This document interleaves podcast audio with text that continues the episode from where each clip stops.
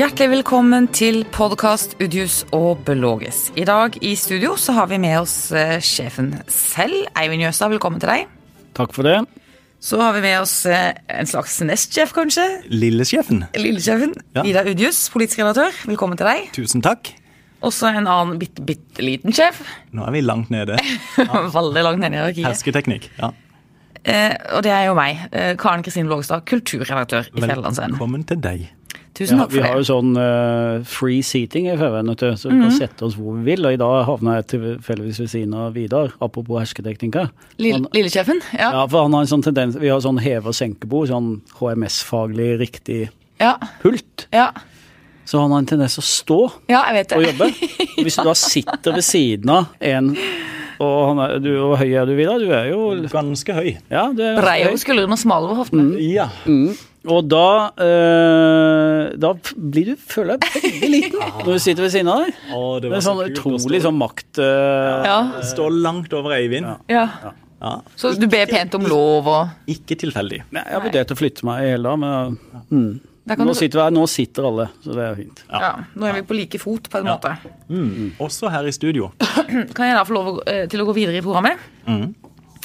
Eh, Det vil jo ikke overraske noen at vi skal snakke om KrF i denne poden også, men vi skal også snakke litt om eh, Gjærløa, vi skal snakke litt om Nicolai Tangen, og vi skal snakke om Listhaug. Så eh, mye En god miks. En god, en god blandings. Ja. Men vi må snakke om KrF aller først. Det er den viktigste saken i Norge nå. Eh, Dramaet der, som spisser seg til dag for dag, det kan eh, vippe regjeringen eller la den fortsette.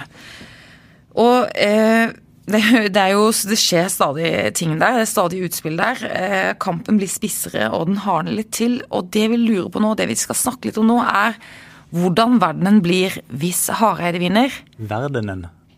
Ja, for det hadde jeg skrevet. Ja, det er vel egentlig bare verden. Hvordan verden? Det er vel egentlig først og fremst Norge, men vi kan godt ta, tenke på hele verden. Ja. Hvordan blir F, da? ja. Eh, Hvordan blir verden, ja? Ja. Hvis ja, ikke sant? Hvordan blir verden for KrF, og for norsk offentlighet og norsk politikk? Ikke sant? Litt sånn, Jeg hadde en litt sånn høy himmel over det, da. ja, jeg føler det, Det gikk ikke lang tid før vi kom til poenget første dag i dag. Så Hvordan, hvordan går det hvis Hareide vinner? Hvordan går det hvis Ropstad vinner? Det tenkte jeg vi skulle eh, diskutere litt nå. Og Vidar, siden du er eh, politisk redaktør, så skal du få lov til å starte. ja, da kan jeg starte med hvis eh, Skal jeg starte med hvis eh, Ropstad vinner? Ja, det er jo, slik det ser ut nå, det mest sannsynlige, kanskje. Ja, samtidig som ting, eh, ting endrer seg, og det skal være skriftlig valget på landsmøtet, så uh, nothing is decided until everything is decided, som de sier. Um, så det blir jo enormt spennende helt fram til alle stemmene er talt opp. Uh, men hvis Ropstad vinner, dvs. Si hvis den borgerlige fløyen vinner, så er det jo eh, flere ting som kommer til å skje. Etter all sannsynlighet. Hareide gir seg, kan ikke overleve, et sånt eh, nederlag.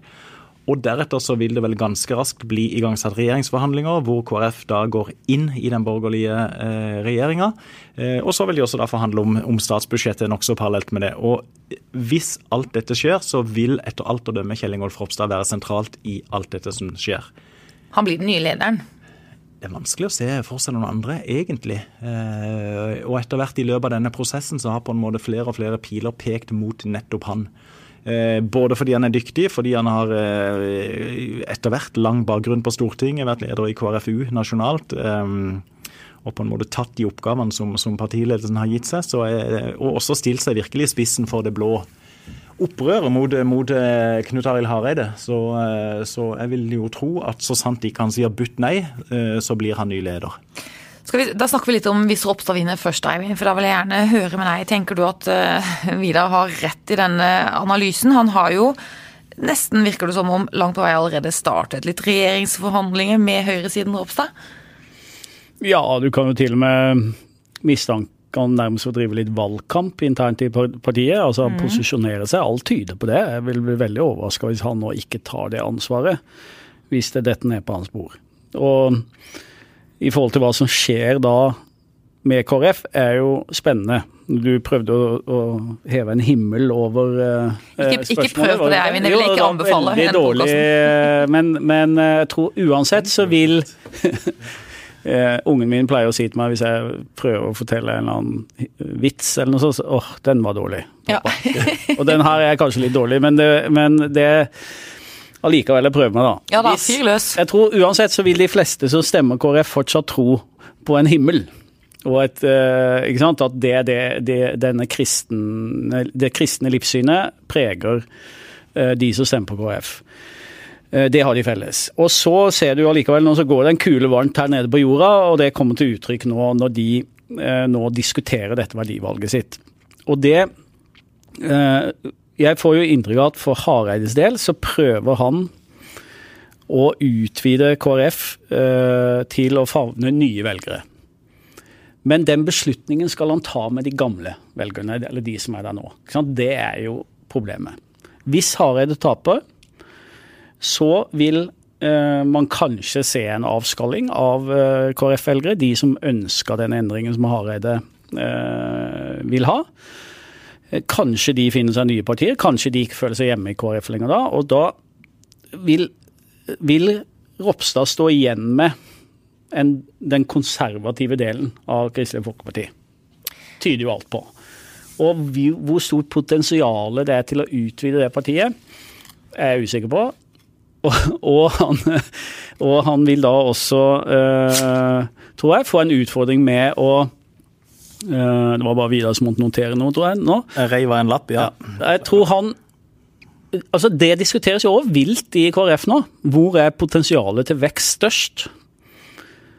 Uh, og jeg tror de som mener nå Hareide gjør det helt geniale, de syns jo det nesten virker, altså at det er helt fjernt å tenke seg at KrF kan vokse den andre veien. Men vi, skal, vi, må ta høyde for at det er faktisk noen som mener det, og til og med Ropstad. da. Så det er jo det han må da bygge det partiet på. Det blir interessant om det er mulig. Og men det er jo på eh, Østlandet, i Trøndelag, Nordland osv. at KrF eh, er minst. Og hvis Ropstad vinner Vidar, vil han Nei, unnskyld. Jo, Ropstad. Nå går jeg Ja. Hvis Ropstad vinner, kamp, Ropstad, ja. vinner kampen om veivalget her, vil han sitte igjen med et uh, konservativt og rart lite parti på Sør-Vestlandet, liksom? Både ja og nei. fordi at Som Eivind sier, så er det jo spørsmål om hvor en har det største potensialet. Og det går også, og det går også an å tenke at det største potensialet og de fruktene som henger lavest, det er de som, eh, som nettopp har forlatt eh, partiet. De som da gikk til Høyre og til dels Frp nå i, i forrige valg. At det kan gå an å friste de eh, tilbake igjen. Uh, Jørgen Kristiansen liker å fortelle en historie om situasjonen før ikke det siste, men det forrige kommunevalget før der igjen, i Kristiansand, hvor KrF eh, også der var på, på vippen. Eh, Arbeiderpartiet tilbød de nokså åpenlyst ordførerposten. Og i første del av valgkampen så, så, så var KrF litt sånn sånn hm, Vi kan kanskje se hvor vi får mest igjen osv. Ifølge Jørgen Kristiansen så fikk han et ras av henvendelser av, velgere som sa OK, hvis ikke vi vet hvor det kommer til å gå, så, så glem vår stemme. Eh, og så eh, relativt kort tid før valget så gikk de ut og garanterte velgerne sånn vi går til Høyre uansett. For å på en måte roe det og for å, for å hanke inn stemmer.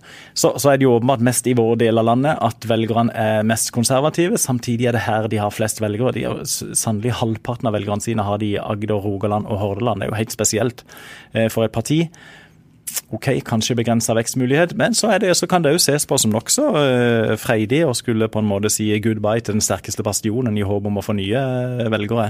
Um, ja, det er jo der, ja, ja. Det, er jo der ja. det dristige valget til Hareide altså, det, er jo der, det, er jo, det, er jo der det ligger. fordi det, han kan ikke se bort fra at de største delen av velgermassen til KrF i dag tilhører den borgerlige sida. Det er der de fleste føler seg hjemme. Og, og ren logikk sier hvis du skal utvide, så må du først utvide grunnfjellet. Og mm. i hvert fall sørge for at du har det på plass, og så vokse derfra. Men han prøver jo på mange måter på noe nytt. Mm. Det, hvor tar, hvor, hvis Hareide vinner veivalget her, hvor, hvilke partier vil han eh, håpe å ta velgere fra da? Nei, det tror jeg nesten fra alle partier. Arbeiderpartiet og Senterpartiet? Ja, og Høyre-velgere. Altså folk som som, har, som, deler veldig mye av det verdisynet KrF har, da, som er opptatt av en del av de ikke sant, eh, som vi har snakka om her før, rettferdig fordeling, eh, sorteringssamfunnet, som tenker at de sakene er viktige. Vi vil ha et sånt parti på Stortinget som skal passe på de sakene der. Det, og, men at det er liberalt nok parti til at du allikevel føler deg hjemme, da. Men det vil jo være en slags modernisering i gåsøyne av KrF hvis de går til venstresiden?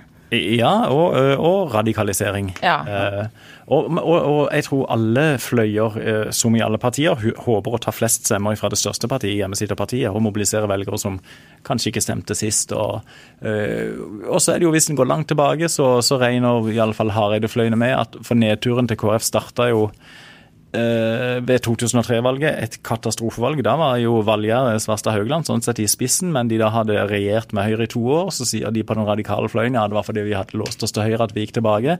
Mens høyrefløyen sier at det hjalp ikke engang å ha Svarstad Haugland i, i front, fordi at velgerne forlot oss uansett.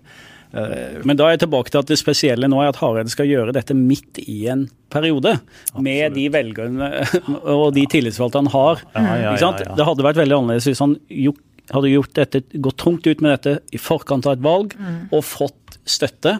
For da kunne han reformert partiet med, med et valgresultat bak seg. da. Nå skal han liksom Uh, som Fleipet har sagt, altså skal liksom bytte kjæreste midt i, uh, i valget, og så skal han få gamlekjæresten med på å støtte det valget. Mm. Altså det er det som er problemet. Mm. Det er dagens ja. Og Det er jo derfor vi som vi har sagt her mange ganger, vi tror, vi syns det er vanskelig å se for seg at, at han vil få flertall for sitt syn. Fordi den mobiliseringa som nå skjer på den konservative siden, er sterk. da. Og så er det jo veldig kompliserte regjeringsforhandlinger, om det nå blir til høyre eller om det blir til venstre. Fordi eh, da vil de de skal forhandle med, vite at de må de vil, samtidig så vil begge, både Høyre og Arbeiderpartiet, vil veldig, veldig, veldig gjerne at de forhandlingene skal lykkes. Ja. Eh, men, men også, og én ting er jo på en måte på kort sikt og meningsmålinger etter at eh, KrF har foretatt sitt valg, men så er det jo rett og slett veldig kort tid til kommunevalgkampen begynner, mm. og ikke minst listeoppsettinga til, til kommunevalgkampen. I mange kommuner, kanskje ikke så mye i vår landsdel, men i andre landsdeler, så vil jo et parti som KrF i utgangspunktet slite tungt med å få nok folk til å stille på ei kommunevalgsliste i en liten kommune nordpå mm. eller i Trøndelag, Indre Østlandet. Og hvis de velger borgerlig her nå, og kanskje til og med som resultat av måten delegatene velges ut på. Eh, hvis det blir liksom eh, narrativet etterpå at ja, ja, ja Hareide tapte, men det var fordi at de, der, de, de borgerlige eh, kuppa eh, mm. flere fylkesårsmøter så, så, kan det jo rett og slett bli vanskelig for KrF å stille, valg, stille, valglister ved kommunevalget i en god del kommuner, som igjen da vil føre til i seg selv et dårlig valgresultat. Så det står veldig mye på spill. Så en skal gå videre med KrF etter et utfall 2.11. Eh, hvor prosessen framover har vært høyt diskutabel, og valg av delegater veldig diskutabel. Det er jo et veldig såret parti som skal gå videre uansett vei. Men i dette så har vi altså kanskje, vi skal ikke forskuttere det, men kanskje en ny partileder fra Sørlandet, Ropstad. Rett og slett. Hva tror du om han, Karen? Jeg, jeg, tenker at uh, for KrF altså, nei, jeg tenker at han har på en måte evne til å være en god partileder. Det tror jeg Kjell Ingolf Ropstad har. Og vi resonnerte jo noe rundt det sist podkast også. At i denne prosessen her så har jo han på mange måter vært mer samlende enn eh, Hareide, fordi Ropstad har sagt at han kan forhandle mm, begge sider og sånn, men, eh, men nå, nå, har jo kampen hardnet litt siden det, og han har jo begynt å ja, det, diskutere abortspørsmål osv. Så, videre, så men ja. han kan jo være en flink partileder, han. Hva tenker du, Eivind? Nei, det, det er jeg enig i. Uh, vi har jo vært Uh, uh, vi har vært imponert over han mange ganger. Han er en rasende dyktig politiker, gjort veldig mye. ung, stort nettverk. Så han kan fikse det. Og jeg tror hvis, hvis, det nå går den veien, og at han må ta over partiet, og han vil da kanskje starte regjeringsforhandlinger med Erna Solberg og ta partiet inn i regjering Det kan det er klart at det òg kan gå bra.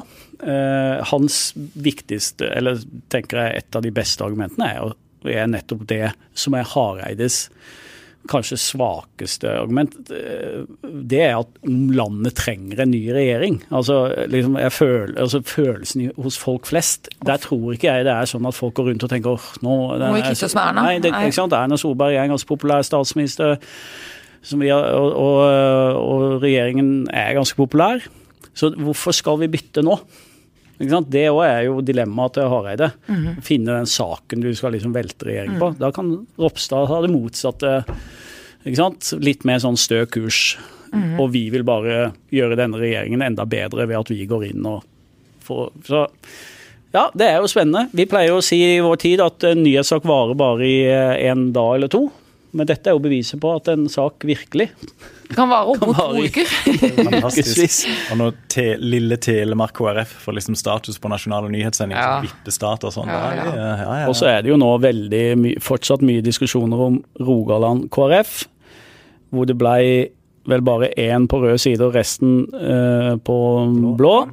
Eh, det vet vi at partiledelsen i KrF er veldig opptatt av. De har sittet og finregna på dette her, selvfølgelig. Og det virker som om Hareide mente han måtte ha fem fra Rogaland for å vinne. Og hvis det, sant, så hvis det koker ned til liksom at lille Rogaland i denne sammenheng da, blir eh, liksom avgjørende. avgjørende. Ja. Men nå er det jo Agder til fredag, Vidar. Hvordan blir det der? Absolutt. Hva skjer der? Nei, jeg tror alt, alt blir spennende eh, borgerlig, men liksom hvor mye og hva som skjer, er spennende. eh, Alt blir spennende borgerlig. Ja. Og det, og, Ja, men ikke hva ikke, det, er ikke det et greit svar? Uh, du, jeg, tenk, eh, ja, for jeg, jeg, jeg, jeg sa det rett og slett mange- til å si en annen ting. Fordi Ja. at vi, har, vi bør jo ha en liten uh, quiz, bør vi ikke det? Som vi gir svar på med en gang. For vi har jo gjort research her på rett før sendinga begynte, nemlig når Ja. var, når var sist gang vi hadde en partileder fra Agder? Nasjonal partileder? Vil du at noen skal ringe inn nå, eller? Det ble Jeg noterte ble det ned, litt så jeg- Klein, litt klein oppfølging nå, følte jeg. Ja. Ja. Men det har vi sjekka, iallfall. Det er jo sikkert noen som vet det før vi sier svaret. Men da må vi i utgangspunktet si at eh, sånn i farta, i, sånn langt framme i pannebrasken, så hadde jo ikke noen av oss svaret. Vi måtte jo google litt.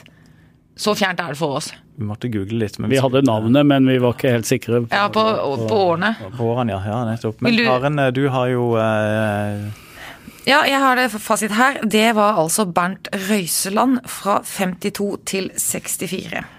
så, akkurat sånn sett, uten å blande seg inn i KrF-striden, så kan det jo kanskje være på tide med en partileder fra Sørlandet igjen. Ja. det kan det. Det kan det. Ja. Men hvor mange Eh, delegater og- skal det være fra Agder? 18. 18 til landsmøtet. De Ja. skal velges i morgen, på, eller på fredag. Fredag for de som hører på dette torsdag. Ja. Ja. ja. Og hvor, hvis du skal tippe Jeg tipper, jeg tipper ledelsen får med seg årsmøte, eh, et flertall i årsmøtet på at de velger en såkalt representativ delegasjon, og da vil jeg tippe at eh, da vil jeg tippe eh, 12-3-3. Blir det 18?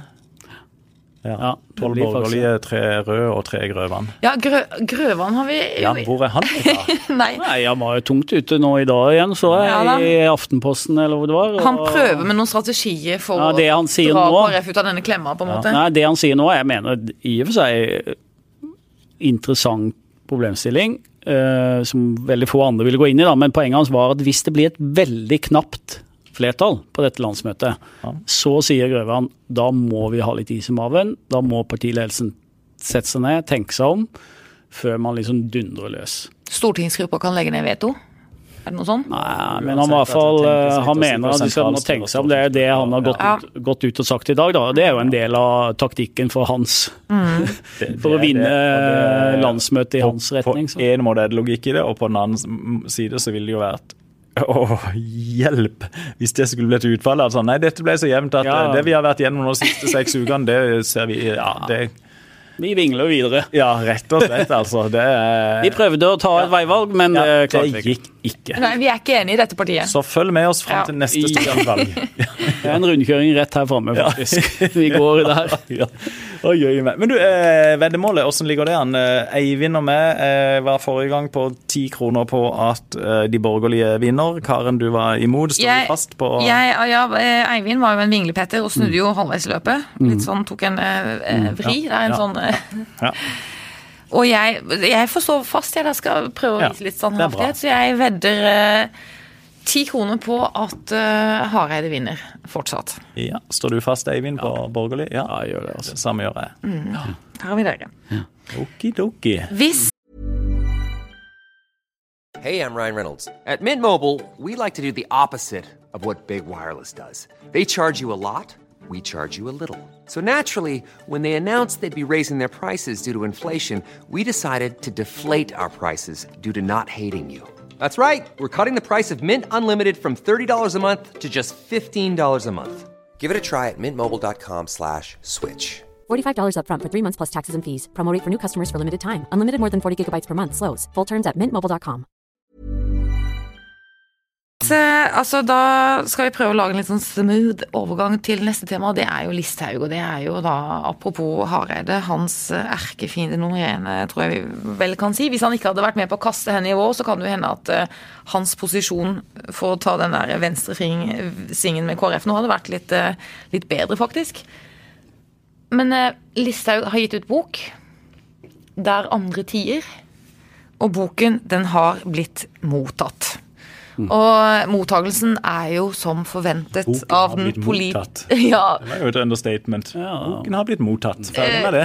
ja, men jeg var jo ikke ferdig å prate. Unnskyld. Hvis jeg bare får lov å prate ferdig. Den hadde nok blitt enda mer mottatt hvis ikke vi hadde dette KrF-styret Ja, gående. ja. Men hun har jo klart å ta sin plass i media likevel, og vi har jo da, Ja. som vi snakka om uh, Merka jo at det har vært litt stille rundt Listhaug i det siste. Øh, og så en eller annen twittermelding som gikk på det, og nå merker jeg hvor deilig det har vært med Listhaug ut av øh, mediebildet i noen måneder. Og så dundrer hun tilbake med den boka. Jeg må bare forte meg å si at jeg har ikke rukket å lese den boka ennå, så øh, dette er ikke noe bokanmeldelse. Men, men det slo meg nå når jeg har sett og hørt Sylvi Listhaug både i i diverse debatter på TV eh, at hun er ekstremt flink da, til det hun holder på med. Ikke sant? I forhold til som en både retorisk og måte å bringe fram budskapet på-. Jeg skjønner at å være i debatt med henne er krevende, fordi at hun er ja, Hun hamrer løs på sine meninger og snakker til Så sin menighet. Man kan være, og jeg, det er ikke så veldig mye jeg er enig i Sylvi Listhaug med, men, som, og, men jeg må likevel gi henne det, da, at hun er en flink debattant. Som kommunikasjonsfaglig er hun flink. Ja, jeg skjønner at hun kan drive sine meddebattanter til vanvidd, fordi hun har lært seg teknikkene. Hun sitter og smiler og hamrer løs. Og, og er offer. Og ja, det tenker jeg at hun prøver å framstille seg som. I hvert fall i den, for å vekke de følelsene hos de velgerne hun vil appellere til. da. Er det, er det sånn du tolker Karen som at hun framstår som et offer? Ja. Det er jo veldig kort svar. Ja, rett og slett. ja, det, det, Sånn tolker jeg henne, og bare sånn tolker jeg henne. Og jeg tror det er et, en, et riktig grep av henne. Jeg tror at veldig mange mennesker i Norge føler at, de blir, at ikke de henger med, at de blir oversett, at det finnes en politisk elite, at det finnes en Oslo-elite, en Ring 3-elite osv. osv. Og, når- og da kommer jeg tilbake til det jeg prøvde sist, da. Når vi ser bo, hvordan boken blir mottatt, og hvor, hvilken slakt det får, eh, mer eller mindre. Hun svarte jo vel og fikk spørsmål om for var vel Dagbladet som hadde gitt en slakt, var det? Og da hadde hun sagt og, tusen takk for det. Ja, ikke sant? For det- det er bare bensin på det bålet. Ja, det bekrefter alt hun sier, at det, det finnes en politisk korrekthet, man vil stanse eller gjøre ytringsrommet mindre, mange blir overhørt, bla, bla, bla. Ikke sant? Det er I eh, forhold til det politiske og kampen mot eliter, så er det jo interessant at i Norge så har jo Senterpartiet tatt det bygdeprotestpartiet Mm. eh, og profilen. Så, eh, og i store byer gjør Frp det tradisjonelt ganske dårlig. Mm. Så i utgangspunktet så, så føler jo jeg at de har et litt dårligere utgangspunkt, det er Frp, enn enn den uh, høyrepopulistiske bølga i, uh, i andre land. Samtidig som jeg syns jo Frp også uh, unntatt Listhaug, har, har bygd opp en bredere profil, som de da også hanker, hanker velgere på. Mm. Og det er jo den ansvarligheten man tvinger dem på en måte i gåsehøyne da, litt inn i når de sitter i regjering. Men en Listhaug i fri dressur i, i Fremskrittspartiet er jo en politiker å regne med, ja. Absolutt, og det er jo veldig interessant å, å, med hennes rolle framover. For nå er hun jo konstituert som eh, nestleder i, i partiet, og til våren blir hun sikkert valgt på ordinær måte som nestleder, og da er hun ganske høyt oppe på lista når, når Frp er i gang skal velge, skal velge Siv Jensens eh, avtaker. Så sånn sett så er hun jo absolutt eh, en politiker å følge grundig framover. Og sånn sett er jo også den boka interessant å lese. Jeg har ikke hørt henne på Dagsnytt 18 for siste gang, tenker jeg. Men jeg må spørre om en ting, for at eh, hun refser jo veldig Kirken og KrF i boken sin. Eh, hvorfor gjør hun det? Hva tenker du, Eivind? Ja, nå er jeg må bare gjenta at jeg ikke har lest den boka. Da, jeg, øh, men jeg tror jo hun gjør det for å treffe øh, den delen av Kristen-Norge som hun ønsker å appellere til. Øh, som mener vår kirke har gått for langt i å liberalisere seg. og Men har hun ikke de i favnen sin allerede? Det syns jeg er så rar, rar strategi. Mater de fortsatt, da? Ja, riktig. Men det er, hun har vel mange sympatisører i statskirken? Er kan hun ikke støte noen fra seg, eller hva tror du, Vidar? Hun, hun blir veldig ofte geniforklart, men jeg vet ikke om hun er så genial når det gjelder uh, alltid. Uh, for jeg tenker at uh, Eller, nei, genial. Men det, nei, dette skal egentlig være et kompliment til henne. For jeg tror hun av og til er lite taktisk. På den måten at hun legger aldri skjul på det hun mener, og hun dundrer løs. Så er hun veldig god til det. Men hadde hun, øh, hadde hun vært slu og taktisk og tenkt hvordan skal jeg øh, bli Frp-leder, så ville hun bygd ut profilen sin øh, og også snakka om andre ting. Har gjort den litt mer mindre, ja, men, eller litt ja, mer spiselig? Ja, kanskje det, og på en måte iallfall breia ut profilen sin. Men iallfall det hun får oppslag på, det er jo den her evinnelige kampen mot ledelsen i Den norske kirke og mot, mot kristne som har andre kristne verdier enn det hun har, som hun da stempler som i stor grad som, som ikke kristne nok verdier, og framstår som mørkeblå kristenkonservativ. Eh, og iallfall når hun er til stede på Frp sin landsmøter, så, så, så værer det noen stemninger i salen som tyder på at sånn, litt sånn nok nå, Listhaug. Hun var jo der, på, på, forrige landsmøte stemte hun jo for og argumenterte sterkt for en resolusjon om obligatoriske skolegudstjenester.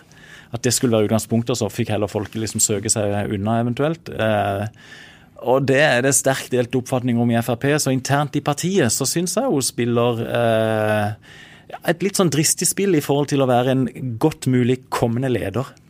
Så er det jo i forhold til det med Hun har jo òg, som skrøt henne i stad, men hun har jo òg den tenker litt slagside. At det ikke er helt speil eller perspektiv på hva hun mener hun kan si til andre og hvordan hun kan karakterisere andre, og hvordan hun selv blir da såra eller går litt inn i Det kan i hvert fall virke som hun går litt inn i offerrollen og hun, ja, hun får kritikk tilbake. Og det har hun jo blitt tatt opp med denne boka. Mm, hun slenger jo med leppa til alt og alle, og så tåler hun tilsynelatende lite mm. tilbake. Og til og med dette 22. juli-greiene hvor hun skal prøve liksom å framstå som den som Altså et offer der. Mm. Det er jo en mm. Altså veldig rart at hun gjør.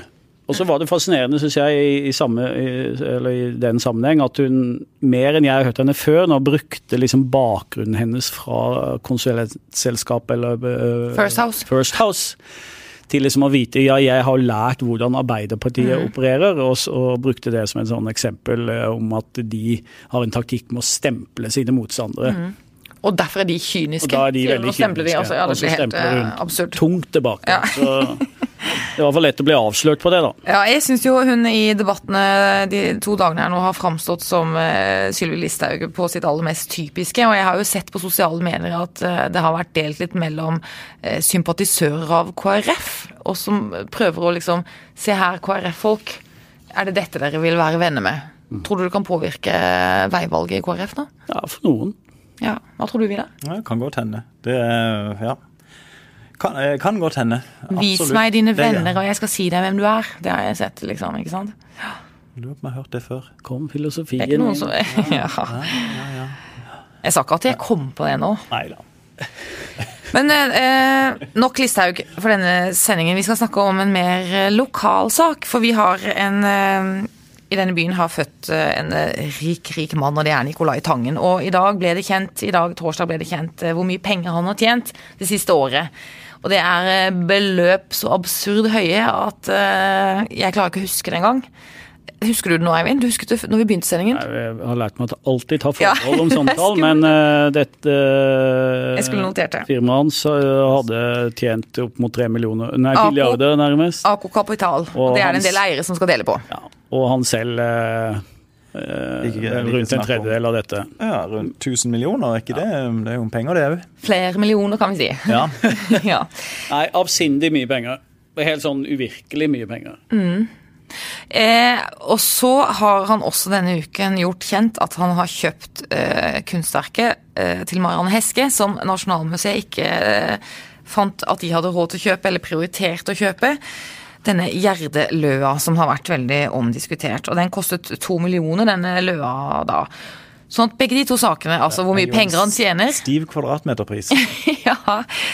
Eh, Disse to sakene, hvor mye penger han faktisk tjener, og innkjøpet av denne Gjerdeløa, det tenker jeg har vært sånn Nå er det bensin på bålet til alle de som er mot uh, kunstsiloen og skeptiske til Tangen osv. Og det har han vel vært, har det ikke det, når han ser på kommentarfeltet, han karen? Jo, men, så, men hvem er i kommentarfeltet? Jeg er veldig usikker. Er det folk flest? Det er det jo ikke nødvendigvis.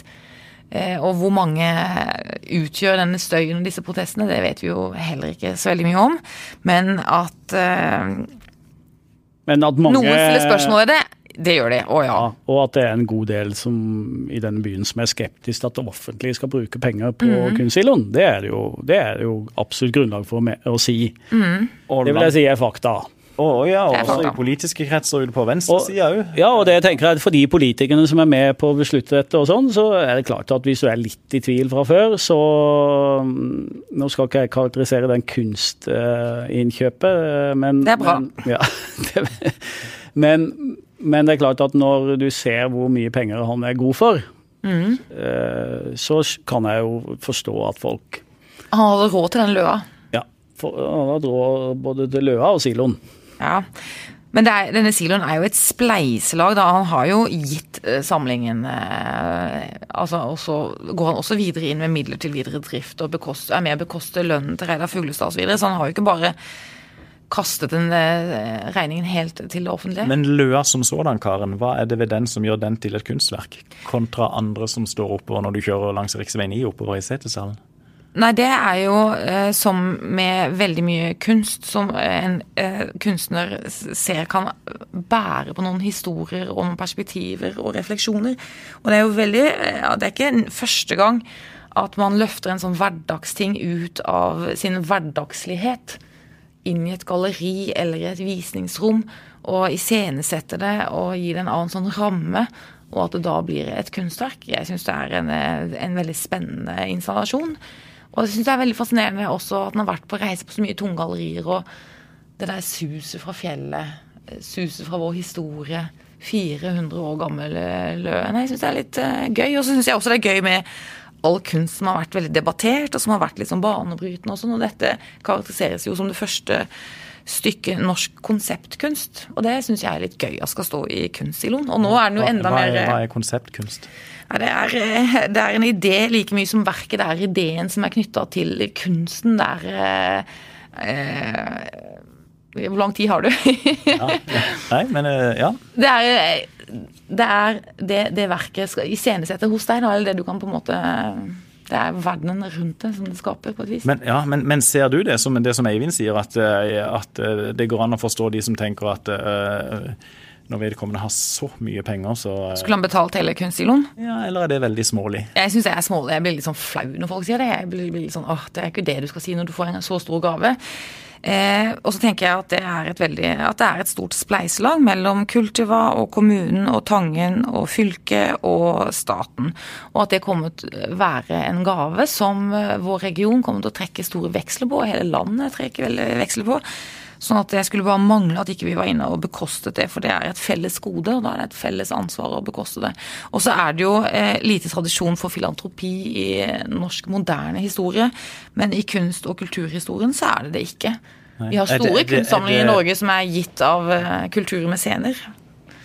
Eh, Det at vi har såpass liten tradisjon for filantropi, er det, eh, det er bare negativt, eller sier det noe, noe også om på en måte eh, fellesskapstanken i Norge? Ja, Det kommer jo an på hvor du står politisk. Hvis du står langt på på venstresiden f.eks., så vil du være mer skeptisk til det og mene at staten skal besørge at folk har det godt. Det skal ikke være private initiativ. Vi skal ikke gå rundt og takke private givere for alt mulig.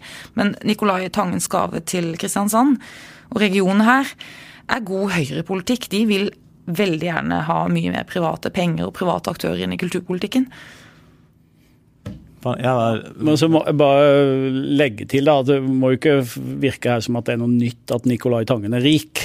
For det har, det har han jo vært lenge. Mm. Så det var det resultatet som ble kjent i dag, er jo bare en ny bekreftelse på at mannen er god for avsindig mye penger. Ja, og at han hadde et godt også- siste år. Mm. Og det mener jeg også, at ikke du skal bruke mot rike folk som vil bygge ting eller øh, gjøre noe i, i, i samfunnet. At du liksom eh, Men du burde jo bare gjort mye mer. Altså, Ja. Det blir jo eh, helt absurd tankegang. Men, men poenget er bare at i hele den diskusjonen som har vært her i byen rundt det, så, så, så er det ikke Det er liksom ikke urimelig eller utenkelig at den blusser opp litt igjen. Nei, det- når man får sånne tall på bordet, da. Ikke sant? Samtidig som eh, vi er vel nå kommet der i prosessen, ikke minst etter statsbudsjettet, at eh, ting er underveis. Og nå eh, vil det vel gå søren meg relativt raskt framover, vil det ikke det? Før vi De har et enormt eh, tempo i planene sine. Har jo tenkt å begynne å bygge til våren allerede, så det går kjempefort. Men da kan vi jo lage en slags loop til den første diskusjonen. For at hvis, hvis nå Hareide vinner fram og, og for en ny regjering skal lage sitt statsbudsjett, så er jo ting sånn sett i spill. Ja, du tenker at den blir tatt ut igjen av statsbudsjettet? Altså. Ja, ikke sant? Nei da, teoretisk så er jo det mulig. Men Teoretisk er det mulig. Jeg tror ikke det er eh, Kulturminister, kulturminister Kjell Ingolf Ropstad i den rød-grønne Ja, ja, regjeringen. ja, ja. Ja. Det måtte jo være hvis noen i SV kanskje ble kulturminister. De ville jo ikke heie så mye på det, kanskje, uten at jeg vet det veldig sikkert. Men kommer du langt nok på venstresiden, så vil de være skeptiske til den gaven til Nicolai Tangen, også fordi at den Måten den er tjent på, måten han har tjent pengene sine på. For de er jo merker, Kulturminister Halvor begynner Ja. å sett på det en gang til. ja. jeg merker Der tok Ka- Karen for gitt at SV skulle være med i en sånn regjering, Ja. faktisk. Ja. ja. Da eh, De er jo avhengig av anerkjennelse fra SV, i hvert fall. Det bør du ikke vedde ti nye kroner på. Nei, ok. Jeg holder på pengene mine. Ja. Ehm, da eh, Ja, jeg må spørre til slutt. Vidar, hva syns du om den løa? Kul. Ja, ikke sant? Du kommer til å være litt nysgjerrig på den. og... Jeg kommer til å være nysgjerrig på den, og så kommer jeg mm, det, I motsetning til det, så kommer jeg til å se på den med et kritisk blikk. Ja. Jeg må jo si, Den som løfta den eh, lø, øh, løa, er det det vi kaller det? ja, vi- er med, ja. Den som løfta en løa for meg, var jo vår kollega Rune Reinertsen. Ja. Som skrev en liten epistel i vår Ja, ja, avis ja. om at han at dette var et déjà vu for han, for han hadde jo vært i Pompidou-senteret i Paris i 1980 og sett løa. Og var veldig stolt av den, da. Ja. Så da Det har jo sikkert Så det løfta det for meg, altså. ja. Det er konseptkunst. Det er konseptkunsten sin, det. Og Eh, ellers, jeg, jeg må bare stå fram som en av de som kommer til å gå i kunstsiloen med et eh, åpent blikk og en erkjennelse at eh, her er det mye jeg ikke eh, forstår. ja, men så vil det være også veldig mye som treffer deg eh, godt, Vidar. Det, og det, Vidar, er Nå er det litt ovenfra og ned. Ja. Nei, nå skal jeg reise meg opp veldig- snart, for han har jo- stående arbeidspult igjen. ja, nå, Nei, nå reiser jeg meg opp. Og det Og du rent fysisk. Oi. Ja, så nå står jeg skrevet over kontorstolen, Ja. og så snakker jeg litt ned til deg. Ja. Og så sier jeg jeg lover deg at det er veldig mye kunst i den samlingen som du kommer til å like veldig godt. Ja, tusen takk. Det er et løfte, og jeg skal være, kan jeg få være med deg første gang du går ned i Du, kunstsiloen? du kan, du kan uh, geleide meg rundt på den første turen. Og så kan jeg ta opp lyden av deg når du mottar disse Det, kunstuttrykkene. det kan du, og så kan du eh, Men vi må ha med eh, godteri. Du må kjøpe Popkorn, liksom. Ja, det er en sånn pose med godteri. Vi sitter og ser på Gjerdeløa og spiser popkorn. Ja. Og så ser vi hva som skjer. Eh, Det er snart helg. Eh, KrF kommer jo til å dominere mye av helgen vår, men skal dere på kino og se Kongo-filmen? Eivind, skal du? Ja, den, den har jeg tenkt å se. Hvorfor det? Nei, Den saken eh, har jo interessert meg eh, veldig mange år, da. Eh, Men eh, også så er jeg spent på hvordan de har løst det. Rett og slett. Ja. Og i og for seg enda mer nysgjerrig nå siden anmeldelsene har sprikt fra liksom slakt til hyllest. Ja, det har vært Så, veldig sprik i anmeldelsene. Det, Det er gøy. Det er litt gøy. Ja, det er interessant. Hva, skal du sende videre? Ja, men i helga så blir det nok eh, litt KrF-jobbing, kanskje. Ja, kanskje. Ja. Men eh, ja, veldig. Så, så fort en kan, så må en jo se den. Det er jo interessant, men kasse, vi, får, altså, vi kommer ikke til å gå ut av eh, kinosalen og vite mer om selve saken. Har du inntrykk av det, Eivind? Eller? Men det er jo en styrke i så fall ved filmen, er det ikke det? Man blir jo sånn åh, vi, får, vi får aldri vite sannheten om hva som skjedde i Kongo. Er, må vi bare erkjenne det? Ja, men så kan vi tenke vårt, kan vi ikke det? Ut ifra det vi ser og hører og eventuelt leser. Tenke det litt stille inni oss og ikke si det høyt i podkasten?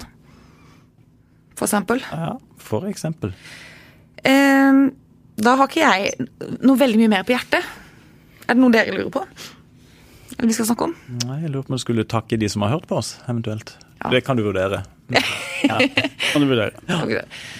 Tusen hjertelig takk til alle som hørte på eh, denne podkasten. Og vi prøver å lage podkast igjen neste uke, og da vet vi sikkert mye mer om KrF, f.eks.